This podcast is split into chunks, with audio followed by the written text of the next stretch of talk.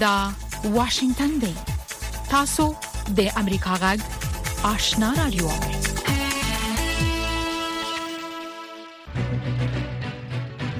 درنو اوریدونکو ستړي مشئ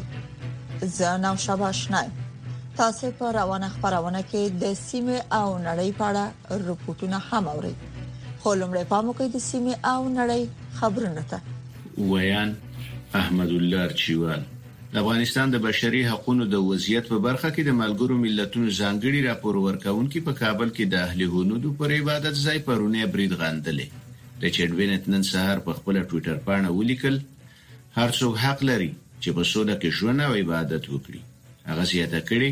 دی په کابل کې په سیکانو او په کندوز کې پر صوفیانو بریدونه غندي او غوښتنه کوي چې په افغانستان کې باید په مذهبي لږکیو د سیستماتیکو بریدونه مخه ونیول شي. بنټ زیاته کړې، د دې بریدونو د څېړنې، د اسنادو وړاندې کولو او حساب ورکولو په ګډون عملي اقداماتو ته اړتیا ده. طالبان وايي هغه کسان چې بېرته افغانستان ته ستانه شوي او د فساد دوسیې لري، که یې څوک پر ضد دعوا لري، نو کولای شي له افغان شخصیتونو سره د ارتباط کمېسیون ته مراجعه وکړي. داسې مهال چې افغانستان ته د بېرته ستنو شویو کسانو له ډلې یو شمېر یې د اشخاصو نه،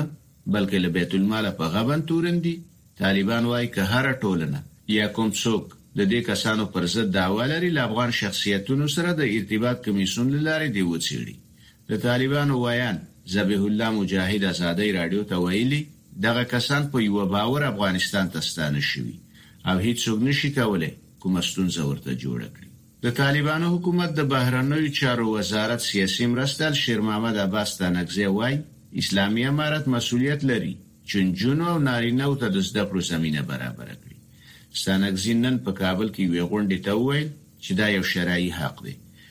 نوموړي زیاته کړه، چې پر دوی لازمه ده، چې د دې ملک هر فرد ته که هغه نر دی او که ښځه د تعلیم زمینه برابره کړي. نوموړي دا یو طبیعي حق وبللو. د اسلامي دولت ډلې یا داعش د خراسان څانګې په کابل کې د سیکانو په ګوردوارې د پروني برید مسوولیت اخیستی. په دې برید کې دوه تنه وژل شوي او یو شمېر نور ټپیان دي. داعش د ټیلیګرام چینل له لارې د دغه برید د مسوولیت اخیستو په بیان کې ویلي، چې دغه برید یې د اسلام پیغمبر ته د سپکاوي په غبرګون کړی، چې ښایي اشاره یې د اسلام د ستر پیغمبر په اړه د هند د حکومت د یوه ویاند وروستۍ څرګندونې وي، چې د افغانستان په ګډون د نړۍ اکثره اسلامي هېوادونو هغه وغندلې. د هند حکومت د کابل په کارتې پروان کې د افغان اهل هنودو پر یوه عبادت ځای له برید وروسته تېره شپه ناوخته له سلو زیاتو افغان هندوانو او سیکانو ته برېښنايي وېزې ورکړي پنځه پنځوس کلن سوندر سنګ چې ټول عمر یې د افغانستان په غزني ولایت او کابل ښار کې تېر شوی و، پرون د درمسال په پېښه کې خپل ژوند له لاسه ورکړی.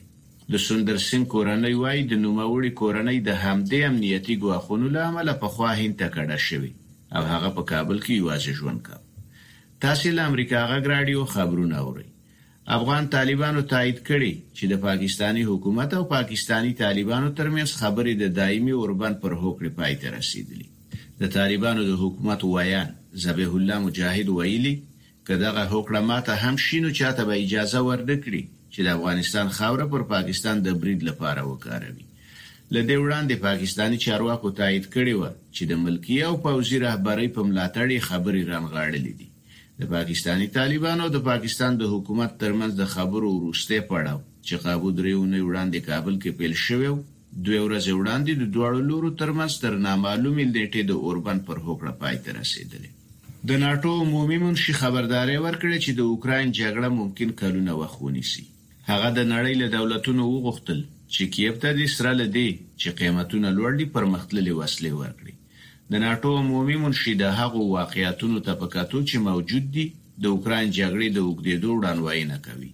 ینس سټولټنبرګ له جرمني بېلدم سونتنګ ورځپاڼې سره په مرکه کې چې نن خپره شوه ټینګار کړی چې د اوکراین ملاتړ نه باید پای ته ورسېږي. په متحده ایالاتو کې د روغتیايي چارو مسؤلینو پنځه کلنو او تر پنځه کالو کم عمره کوچنیانو ته د فایزر او مودرنا د کرونا ضد واکسینونو کول منظور کړل. د متحده ایالاتو ولسمشر جو بایډن دا اقدام د کرونا وبا سره د مبارزې په برخه کې تاریخي وباله.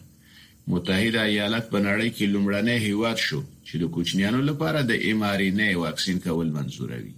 دا واکسین ان شپږ میاشتنیو کوچنیانو ته هم کیدلی شي. په ایران کې مطبوعات وايي د دې هیواد یوه جنګي جټ الوتکه د اصفهان ښار سره نږدې وروسته تر هغه ولویده چې ماشین یې کار پریښود. په راپور کې ویل شوي، چې د الوتکې دواړه پیلوټان ژوندي د الوتکې څخه ښکته شوي. د ایرنا خبري اژانس په راپور کې لیکل شوي، چې د الوتکې دواړه پیلوټان روغتون ته د درملنې لپاره وړل شوي. د دې جنګي جیټ الوتکې ایف څوارلس ماشین د تخنیکي ستونزې له کبله کار پرېښی و او له همدې کبله لوېدلې ده. دا و د دې ساعت خبرونه چې تاسو ته په واشنګټن کې د امریکا غږ له سټوډیو وړاندې کړل.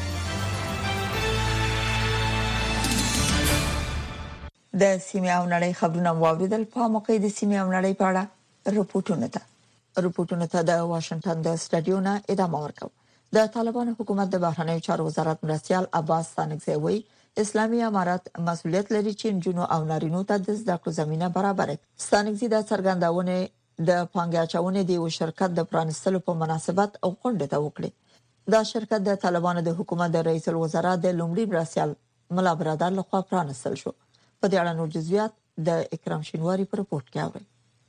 د طالبانو د اسلامي امارت د بهرنی چارو وزارت مرستيال ملا شیر محمد عباس ستانکزي د یک شنبه په ورځ کابل کې د پنګونې د یو شرکت د فعالیت د پیلېدو په مناسبت جوړې شوې یو غونډې ته په وینا کې ویل چې انجونو والکان ته د تعلیم د شرایطو برابرول د طالبانو د حکومت وظیفه او مسولیت دی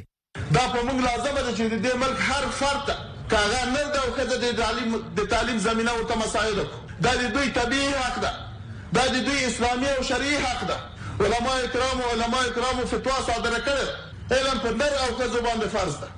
موږ باید داسې یو جامعه جوړه کړو چې هغه د علم په زیور باندې مزین وي هر څوک د دې حق لري چې په دې ملک کې په ابادولو کې، په سیاست کې،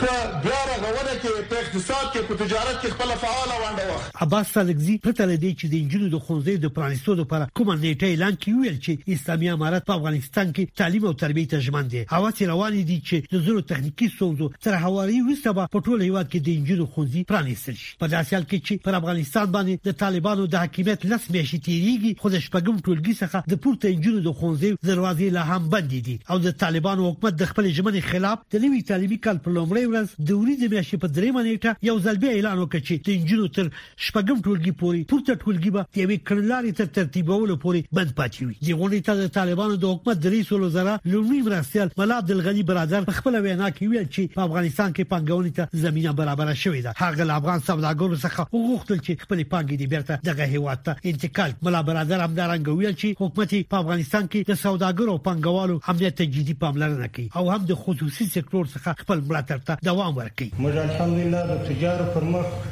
خپل دروازه خلاصه کړې ده د دوی د مشکلاتو چې دلته اوس هم ناست دي داسې تجار ورونه دي چې څه مشکل به درلودي یعنی موږ ونه په عاجله توګه باندې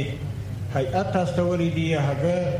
د ده مشکل مو بررسی کړی دی بیا راغلی دی بیا دی قانع سوی دی چی الحمدلله زما مشکل حل سو. همداشان ملا عبدالغني برادر د افغان انویست په نوم دغه شرکت ته په دې غونډه کې د فعالیت جواز ورکړ. دغه شرکت د دیارلس افغان پانګوالو د دوه سوه او پنځوس میلیون ډالرو په لومړنۍ پانګونه تاسیس شوی دی چې چارواکي وایي تمه لري چې د پانګوالو شمېر به پنځوسو ته لوړ شي دا شرکت د کانونو انرژي ساختماني او کرهڼې په سکتور کې د پنګونې لپاره چمتیواله نیولې دي شاوخوا لس میاشتې وړاندې وخت د طالبانو د اسلامي امارت د رسیدو وروسته د پنګونې لومړنی لوی شرکت چې په فعالیت پیل کړی دی د افغانستان د سوداګرۍ او پنګونې د خونې د مشرتابه پلاوی غړي خانجان الکوزي امریکا غږ آشنا راډیو ته ویل چې په تیر حکومتونو کې هم دوی سره ژمنې شوې وي او اوس هم ورسره ژمنې کیږي خو په دې برخه کې عملی کارته اړتیا ده ښاغلي الیکوزي زیاته کړه چې قسم امنیت ټینګ شوی او فساد نشته خو تر څو چې د طالبانو اسلامي امارت په رسمیت ونه پیژندل شي په سوداګرۍ او ترانزیت برخه کې به د خصوصي سکتور ستونزې هوارې نشي د طالبانو حکومت تر اوسه هیڅ کوم هیواد په رسمیت نه دی پیژندلی خو د یو شمېر اروپایي هیوادو او روسي په ګډون د تاجکستان پرته د دغه هیواد ګاونډي هیوادونو کابل کې خپل سفارتونه پرانیستي او د طالبانو د حکومت ډیپلوماټان هم د روسي او چین په ګډون په ګاونډي هیوادو کې د افغانستان د سفارتونو چارې پر مخ بیایي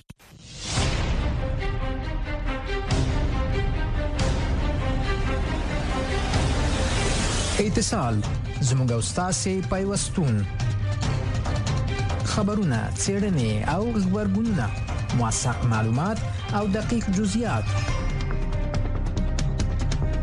هغه کورنۍ نړیواله او سیمه ییزې مسلې چې د عامو خلکو پر ژوند اغیزې لري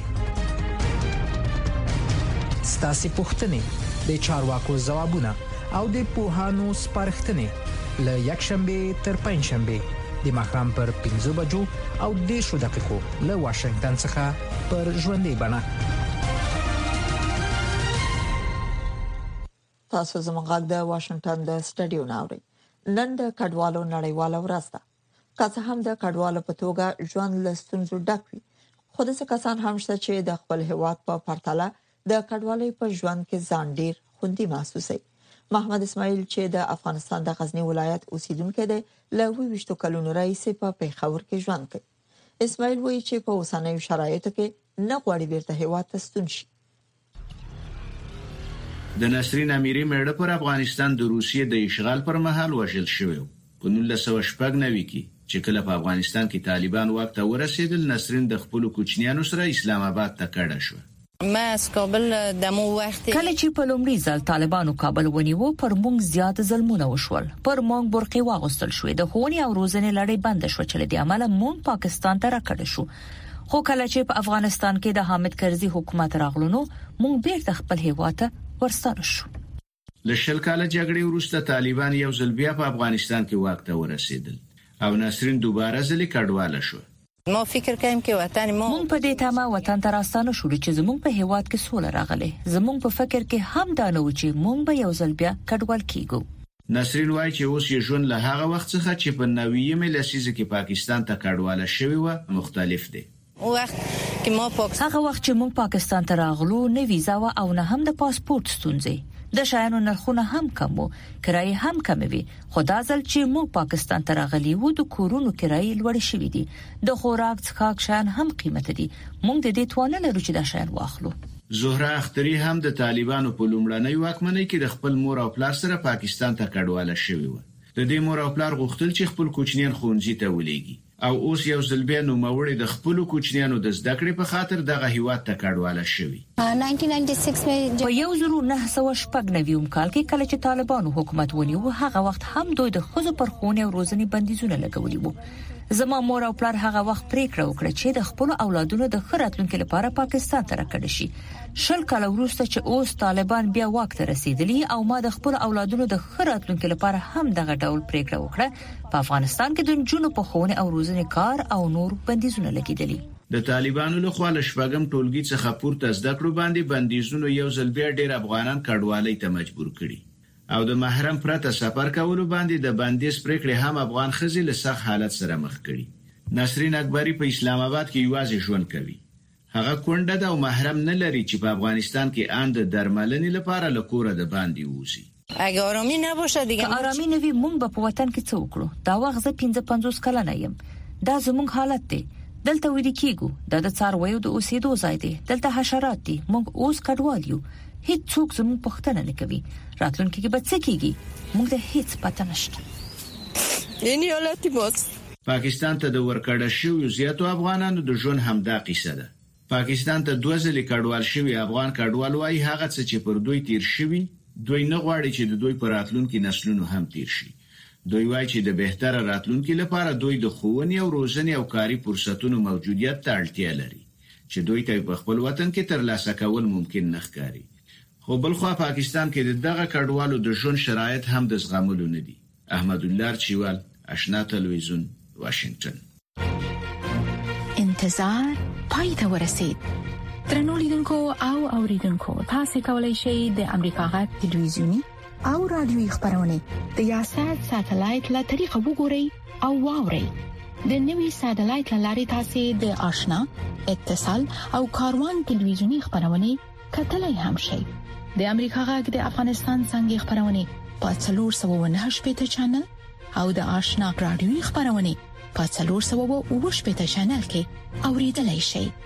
لملتيامو د تل پشان مننه دا د امریکا غږ آشنا رادیو د تحصیلي سیمې او نړۍ په اړه رپورټونه اوري ځنې افغان محصلین چې په افغانستان کې پرې د طالبانو واک ته د رسیدو نه وروسته د تعلیم دروازې بندې شوې په عراق کې د تعلیم تر سره کولو موقع ترلاسه کړي دوی په پایل کې د عراق جنگ ځپلي حالت ته اندېښمن وو خو وروسته د خپل هیواد نامعلوم برخلیک سره مخامخ شو پاموکې رپورت ده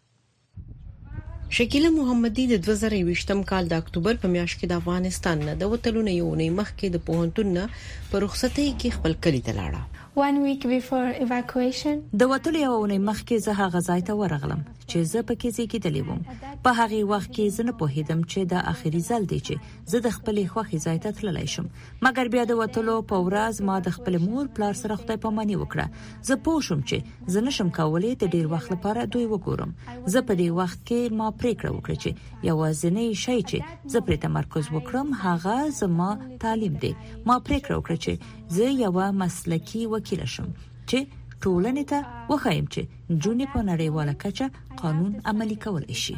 وروسته له هغه چې طالبانو د 2021م کال په اگست میاشت کې کابل ونیو د جنکو په لوی کچه منځنۍ خونسي ته په تک بندیز ولګول شو طالبانو د افغانستان امریکایي پوهنتون وترلو او موسلین د خپل راتلونکو په اړه ناسرګند پاتې شول ما فکر کاوه چې په عراق کې لا هم جګړه روانه ده نو زه دلته له راتلو ویریدم فکر مې کاوه چې تر دې خزای ته نظم خو کله چې کوردستان ته راغلم سليمانيه واقعا یو خزای دی ما ولیدل چې دا واقعا آرام دی خلک مهربان وو او د امریکایي پوهنتون ملما پالنه ډیره ښه وه په سليمانيه کې یو بل افغان زده کوونکي اسمت الله صاحب وویل چې ماته داسې ښکارې ده چې زما تعلیم ختم شو د څو هفتو انلاین زده کړو وروسته محمدي او صحاک ته د عراق سليماني امریکایي پوهنتون کې د خپل زده کړو د دوام لپاره عراقي کردستان ته د تګ موکه ورکړل شوه. By the time the Taliban took over. کله چې طالبانو واک ترلاسه کړ له هغه وروسته تاسو اټکل کولای شئ چې ښوونې او روزنې ته به تر ټولو سخت تاوان ورسیږي. یقیناً هغه بدلونونه چې د پوهنې په ډګر کې رامنځته شوي د افغان ټولنې لپاره ډیر زیانمنوونکي وو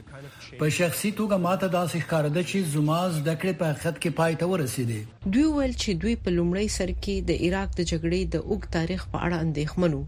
د هغه یو سل لس افغانو محصلینو د جملې نه چې سلیمانیه ته د خپلو زده کړو د بشپړولو لپاره تللي وو، دوه دېرش یې د جون په پیل کې فارغ شول چې په هغو کې محمدي او عصمت الله هم شامل وو. اوس دوی سندونه ترلاسه کړي دي، دوی غواړي د ماسټرۍ سندونه بهر بشپړ کړي. په دې هیله چې ورځ هوا ته بیرته لاړ شي د سهاک لپاره د خپل زده کړو د بشپړولو فرصت یو امتیاز دی 10 months ago these students were on the brink of losing everything زه غواړم د خپل ژوند راتلونکي میاشتې او کلونه زده کړې ته وقف کړم ترڅو چې د افغانستان لپاره ستونزې او خندونه موجود وي تر هغه به زه د امکان تر حد کوښښ وکړم چې افغانانو ته تعلیم ورکړم ما دا موقع لرله چې خپل زده کړو ته دوام ورکړم دوی نه لري د ملګرو ملتونو د مهاجرونو اداره وايي په ټوله نړۍ کې د کډوالو تر ټولو لوی شمیر افغان کډوال دي نظرانه یوسفزۍ امریکا غږ واشنگټن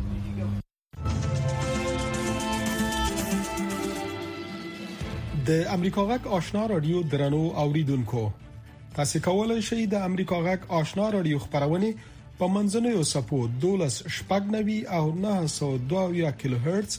او لنډې چپې 11515 یا باندې واوري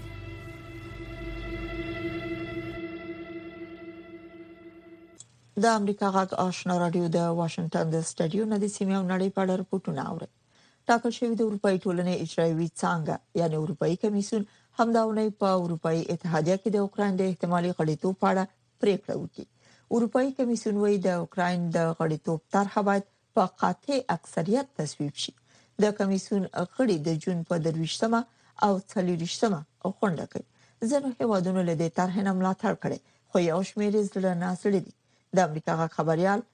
میر سلوا ګونګالز رپوټ رالیږلی چې پښتو ژباړه یې اورئ.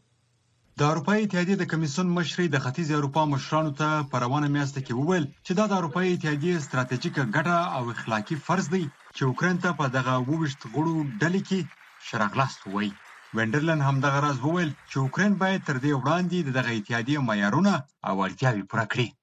نو شارټ کټس نو وایلډ کارت اسانه لارې نشته او داسې هم نه چې معیارونه نه وي پوره باید خامخا دغه ټول شرایط پوره کړل شي ځکه چې په اروپאי اتحادیه کې د زمونږ د ټولو لپاره دي او موږ په دې خبر یو چې د وویش غړو لپاره د دغه معیارونو ساتل څومره ګران کار دی اوکرين له ډېره وخت راسي هڅې کوي چې اروپا ته نږدې شي. هغه وخت د اوکراین مشر چې روسي پلوه و او د روسیې له خوا یې ملاتړ هم کېده، د اروپایي اتحادیې سره یې د سوداګرۍ موافقې د لاسلیک کولو څخه انکار وکړ او د همدې امله په دوه زره څوارلس کال کې د ویاړ پاڅون چې د میډن انقلاب په نامه هم یادېږي رامنځته شو. خو بالاخره دغه موافقه لاسلیک شوه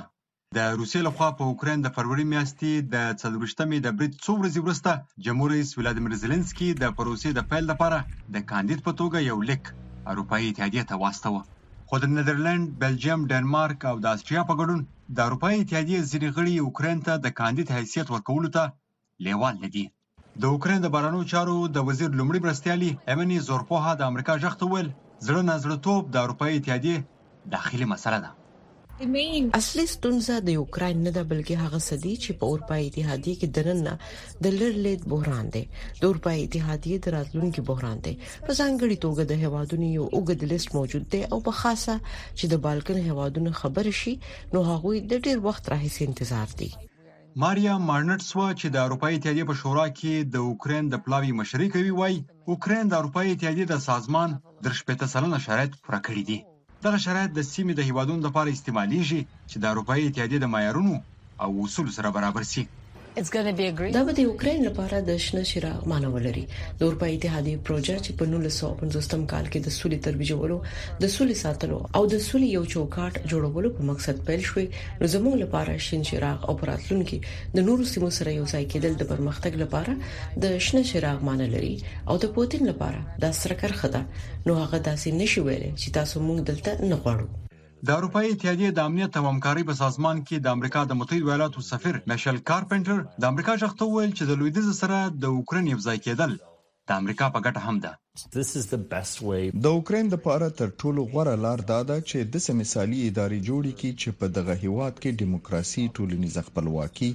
ځمکنۍ بشپړتیا او دغه راز د ازادۍ هغه ټول معیارونه ولري او ویې ساتي چې موږ یې ملاتړ کوو او له ډیره وخته راهیسې مو یې د اوکراین په داخل کې هم ملاتړ کړی دی. ښاغلي کارپنټر زیاته کړه، کله چې په اوکراین کې جنګ ختم سي، بیرته به ورغول سي او دغه هیواد به د پخوا څخه نور هم ځواکمن، متحد او غښتلی سي. ټول د حقایقو د پیدا کولو په لټه کې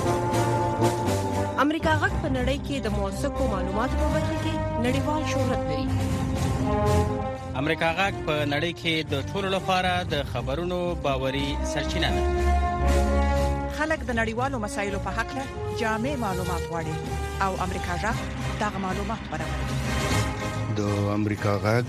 آشنا راډیو یو موثقه معتبره او جامع منبع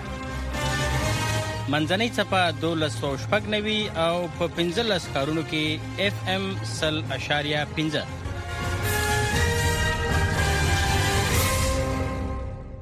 درنو اوریدونکو په دې ورستیو دوه کلونو کې د افغانستان په لویدیځ ولایت هرات کې د وچکالۍ او د اوبو د کمښت له امله د وریجو کار نږدې څلور برابر کم شوی دی د چارواکو په وینا هر کال 12000 هکتار ځمکه شول کرل کېدي خو سږ کال 3000 هکتار ځمکه ته کار راغورځېدلی دی. صفي الله احمدزي په اړه رپوټ رالېږلی. د هرات د ګذرې ولسوالۍ سیاوشان سیمه، دا بزګر د شولو د بزغلیو په کرلو بوخت دي. په داسې حال کې چې د شولو بزګر د اوبو کمښت سره مخ دي، خو بیا هم وايي چې وریجې د کوکنارو په پرتله یو ښه کښت دی او کرلو ته یې دوام ورکوي. په فضل خدای اګر سیلی باشه، ای باشه بی حساب کشت ما بشه، بر جریب سخروار شلی جواب میده سخروار شلی ما جریب ار صد من شست من برنج میکنه با بازار هم اگه بازار برنج کمتر باشه ارد برزه برسه پولی بی حساب قیمت خو گزار ما میشه خواهش ما این است که او نکارم چیز حرام است ازی بکارم که هم خداوند برای آدم خیر و برکت می ده هم از نظر تمام جامعه یکیش دیه که هم علاقمند دینم نمی قدر بلخواته د هرات د کرنې د ریاست چارواکي وایي چې د شولو کښت په وروستیو دوو کلونو کې د اوبو کمښت له امله نږدې څلور چنده کم شوی دی. خو د خشکسالی له امله څخه سږ کال د وریجو باندې چې کومه مځکه تر کښت د دوی لاندې وه هغه ډېره کمه وه، هغه تقریبا څه بالا درې زره او دوه سوه هکتاره مځکه وه او د دې امید سته چې څوارلس زره پنځه سوه تنه وریجې به حاصل په لاس باندې راشي. د کرنې ریاست چارواکي زیاتوي چې په راتلونکي کې به د اوبو کمښت د سلما بند اوبو څخه پوره کړي.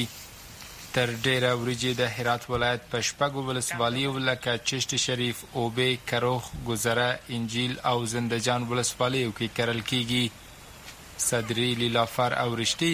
د وریجو هغه ډولونه دي چې په دې ولایت کې کرل کېږي. صفي الله احمدزی، امریکا غږ، هرات.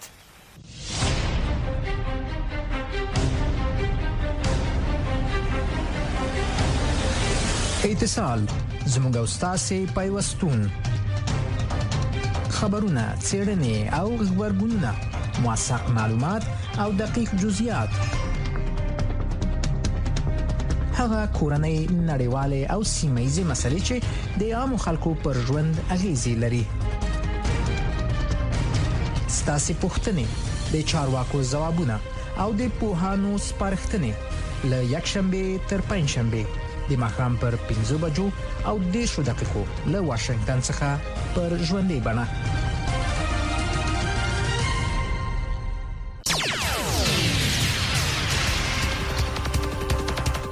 درنو اوریدونکو په موقع د خبرونو لاندیز کړ په افغانستان کې طالبانو ادعا کړې چې متحده ایالات د دې ډلې د حکومت پر رسمیت پیژندلو کې تر ټولو ستر خنډ دی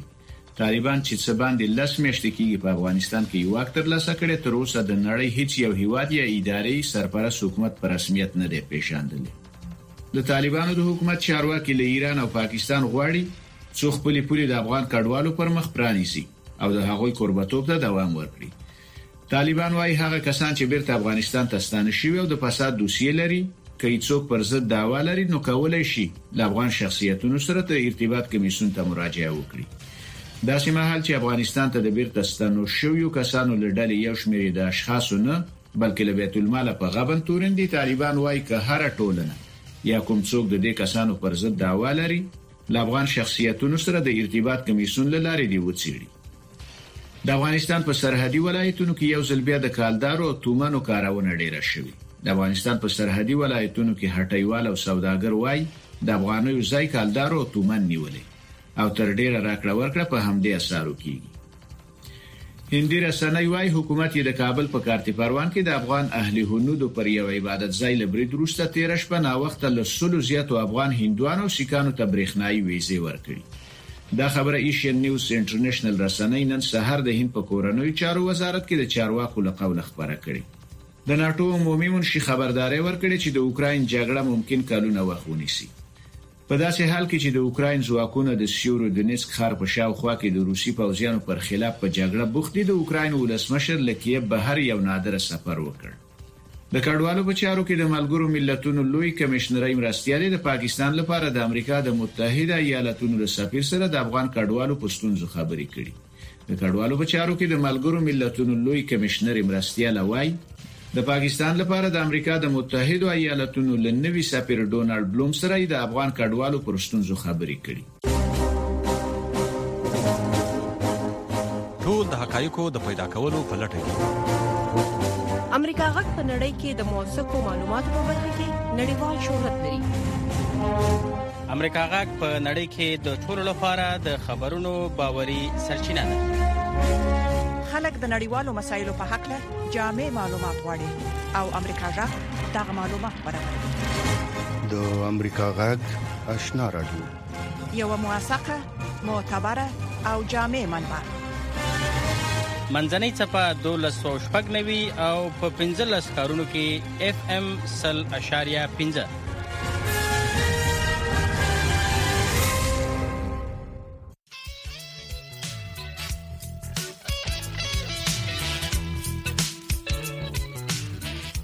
درنو اوریدونکو خبرونه په همدې ځای پای ته ورسیده مننه چې د امریکا غږ آشنا رادیو خبرونه اوري تر بیا خدای مل شي